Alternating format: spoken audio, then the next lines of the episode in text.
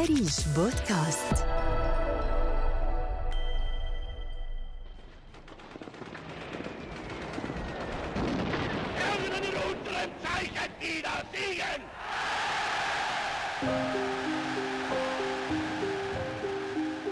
قبل أكثر من مئة عام ومع اندلاع الحرب العالمية الأولى أطلق عالم الاجتماع الأمريكي هارولد لازويل نظرية عن قوة تأثير الرسالة الإعلامية سميت الرصاصة السحرية أو الحقنة تحت الجلد. أكدت النظرية أن الدعاية في وسائل الإعلام تعد أهم أداة للتأثير في مواقف الجمهور وسلوكهم وأفكارهم. مع الألفية الجديدة شكلت مواقع التواصل الاجتماعي نقلة نوعية في حياة البشر، حيث أصبحت تمثل المكان الأمثل للتفاعل مع القضايا والأحداث المهمة من خلال ما أطلق عليه الوسم أو الهاشتاج، الذي يكتبه أحد المستخدمين، ومن ثم يتحول إلى الحدث الأكثر تداولاً ترند بفعل كثرة مشاركات المستخدمين على نفس الهاشتاج. مما أدى إلى قيام حروب على صفحات وسائل التواصل الاجتماعي بين الفرقاء المختلفين على قضية معينة. فهذا مع وهذا ضد. أطلق عليها اسم حروب الهاشتاج. إنت لما بتحكي على الإنترنت فهي أكثر وسيلة اليوم لتأثير الرأي العام. على ال social media صار في حرب الهاشتاج في انتفاضة رقمية على المستوى العربي والعالمي والإقليمي كمان. تم حظري آه، ما يقارب 30 يوم. وحتى التفاعل عندي نزل كمان. فما هو الهاشتاج؟ وكيف يستخدم لدعم فكرة أو قضية أو حدث؟ كيف يستفيد منه المستخدمون في نشر قضاياهم؟ وكيف تقاومه السلطات؟ وما هو دور الشركات المالكة لمواقع التواصل الاجتماعي في تلك المعركة الافتراضية؟ وكيف يحسن المستخدمون الهاشتاج في مناصرة قضاياهم؟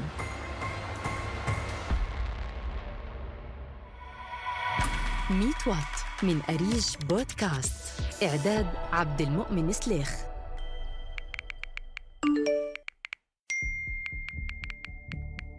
يكتب الهاشتاج بعلامة الشباك متبوعة بكلمة أو رقم أو أكثر.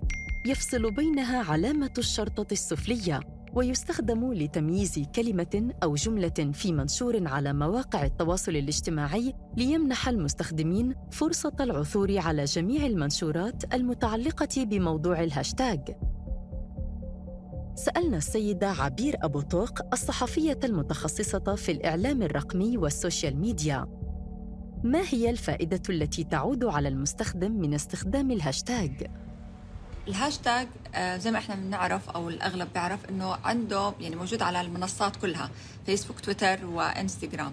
ولكن على تويتر بنلاقي الهاشتاج هو الأسرع انتشارا هو الرائج الترند فاذا إذا أنت مثلا صار في قضية معينة في بلد أو لا سمح الله حادث أو شيء انتصار أو شيء إيجابي بتفوت على ال latest وبتقرأ كل هدول التفاصيل. يعني مثلا وقت القضية الفلسطينية شفنا الهاشتاج ترند حتى على الفيسبوك. فصفى الناس عم تستخدم هذا الهاشتاج بفعالية واضحة بقضية ما. إذا فمن خلال الهاشتاج يستطيع المستخدم معرفة أهم القضايا المتداولة والمشاركة فيها. فما هو تأثيره في صنع الرأي العام حول قضية معينة أو زيادة الوعي المجتمعي حول قضية أخرى؟ ذهبنا إلى عالم الاجتماع الدكتور حسين الخزاعي.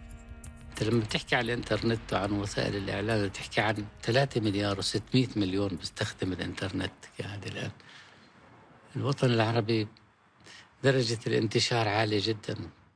الشعب ليس في حالة سكون ولا في حالة صمت. فهي أكثر وسيلة اليوم لتأثير الرأي العام. يعني أنت لما بتطلع على هاشتاج مثلا على سبيل المثال حرب غزة ثلاثة مليون ونص تفاعل معهم. طبعا ثلاثة بتحكي ثلاثة مليون ونص. أنت كيف استطعت أن توحد ثلاثة مليون ونص؟ هنا الروح اللي موجودة في المجتمع روح البقاء. هذه موجودة. لما بتطلع على إخفاق في أي قضية نقص أكسجين في مستشفى. نقص خدمات في مستشفى. طفل مشرد نايم بالشارع مثلا. شوف قديش الناس بتتفاعل معها يعني مش سهل إنك أنت تيجي تقتل الروح اللي موجودة عند الناس. في روح في المجتمع موجودة.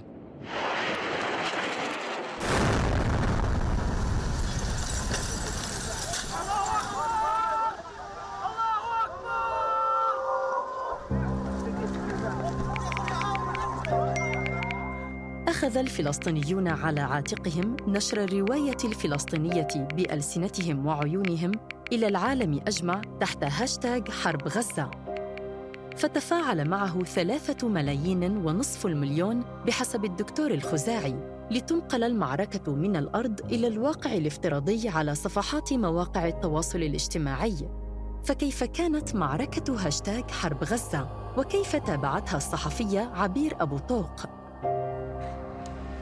على ال social media صار في حرب الهاشتاج لأنه صفى في كتير هاشتاجات عم تطلع. صفى في آه، انتفاضة رقمية مش بس بفلسطين لا على المستوى العربي والعالمي والإقليمي كمان. فبالتالي بدنا نوصف في حرب الهاشتاج لأنه اللي صار ما كان متوقع. حجم المناصرة اللي صارت كانت مهولة من كتير ناس اللي هم الشرفاء واللي بيناصروا القضية الفلسطينية على اختلاف آه، جنسياتهم أديانهم توجهاتهم. بس بيآمنوا أنه في يعني حق للشعب الفلسطيني بأرضه ووطنه. هلا الإشي الثاني اللي بصير بكل قضية بتطلع بتلاقي في أصوات آه، اللي هو يصطلح على تسميتها بالذباب الإلكتروني أصوات بتحاول تحيد القضية آه، بشكل عام شو ما كانت القضية عن مسارها الصحيح. فبتلاقي بيطلع مثلا بقول لك إنه الفلسطيني باع أرضه. الفلسطيني مثلا كيف الام تطلع تودي أولادها يستشهدوا. فبالتالي بتطلع بعض الأصوات اللي بت, هيك بتغبش أو بتحاول تشوش المطالبات المشروعة للأرض الفلسطينية.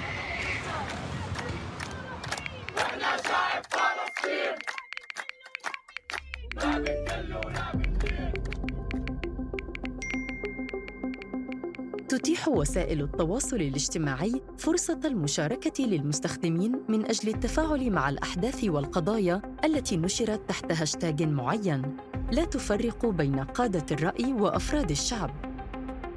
نزلنا إلى الشارع لنسأل الناس عن تجاربهم الشخصية في التفاعل مع هاشتاج حول قضية استحوذت على تفاعل كبير من المجتمع. طبعا آه، أكيد شاركت بانه هو القضية الفلسطينية الهاشتاج تبع انقذوا حي الشيخ جراح وغزة تحت القصف. نزلت صورة للمقاومة فكان عندي تفاعل جدا قوي آه، فبالتالي تم حظري آه، ما يقارب 30 يوم بسبب الصورة. وحتى التفاعل عندي نزل كمان مش زي أول كان كثير قوي. شاركت بهاشتاج درعا تحت القصف وهاشتاج درعا البلد على تويتر وبنزل من فترة للتانية عن الأوضاع اللي بتصير بسوريا والمجازر اللي بتصير فيها. الحمد لله ولا مرة تعرضت لمشكلة الحظر سواء بتويتر أو إنستغرام أو فيسبوك لأني على دراية تامة بالخوارزميات على ال social media فبستخدمها بشكل صحيح. أنا من الهاشتاجات الأخيرة اللي تفاعلت معه هاشتاج حادثة مستشفى السلط وهو اللي بسببه انقطاع الأكسجين عن المرضى. طبعا ما كان في تقييد بالمحتوى بالعكس محتوانا وصل لكل مكان الإعلام العربي. ونتيجة للرأي العام وكيف تفاعل مع الموضوع ونوعا ما نقلوا آه، صورتنا على ال social media. استقال آه، وزير الصحة. اختلفت التجارب من شخص إلى آخر. فهناك من قيدت منشوراته وهناك من نجح في نشر رأيه رغم التقيد مستفيدا من خبرته في التعامل مع الخوارزميات. وهناك من حققت مشاركته عبر الهاشتاج هدفها المرجو باستقالة أحد الوزراء. تركنا الشارع لنسأل الفنان الكوميدي محمد الزغول عن تجربته مع استخدام الهاشتاج كأحد المشاهير أصحاب التأثير في المجتمع.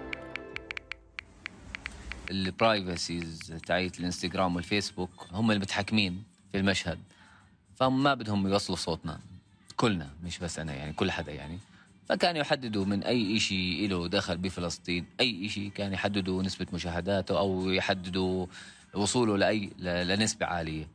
فكانت النسبة تراجعت يعني أنا شفت بالنسبة لي 70% أكثر من 70% يعني كان التراجع كثير. كان يعني بصراحة شو خلينا نحكي محبط شوي محبط لما واحد يكون عنده مشاهدات أنا بدي أستغل مشاهداتي بدي أستغل صوتي إنه بوصل لأكبر عدد ممكن فجأة ولا صوتي مش مش قاعد بوصل فا okay ماشي ماشي بدك تلعب معنا هاي اللعبة إحنا راح بدنا بدنا نحول بدنا نعمل أشياء ثانية بدنا نخترع يعني فاهم كيف؟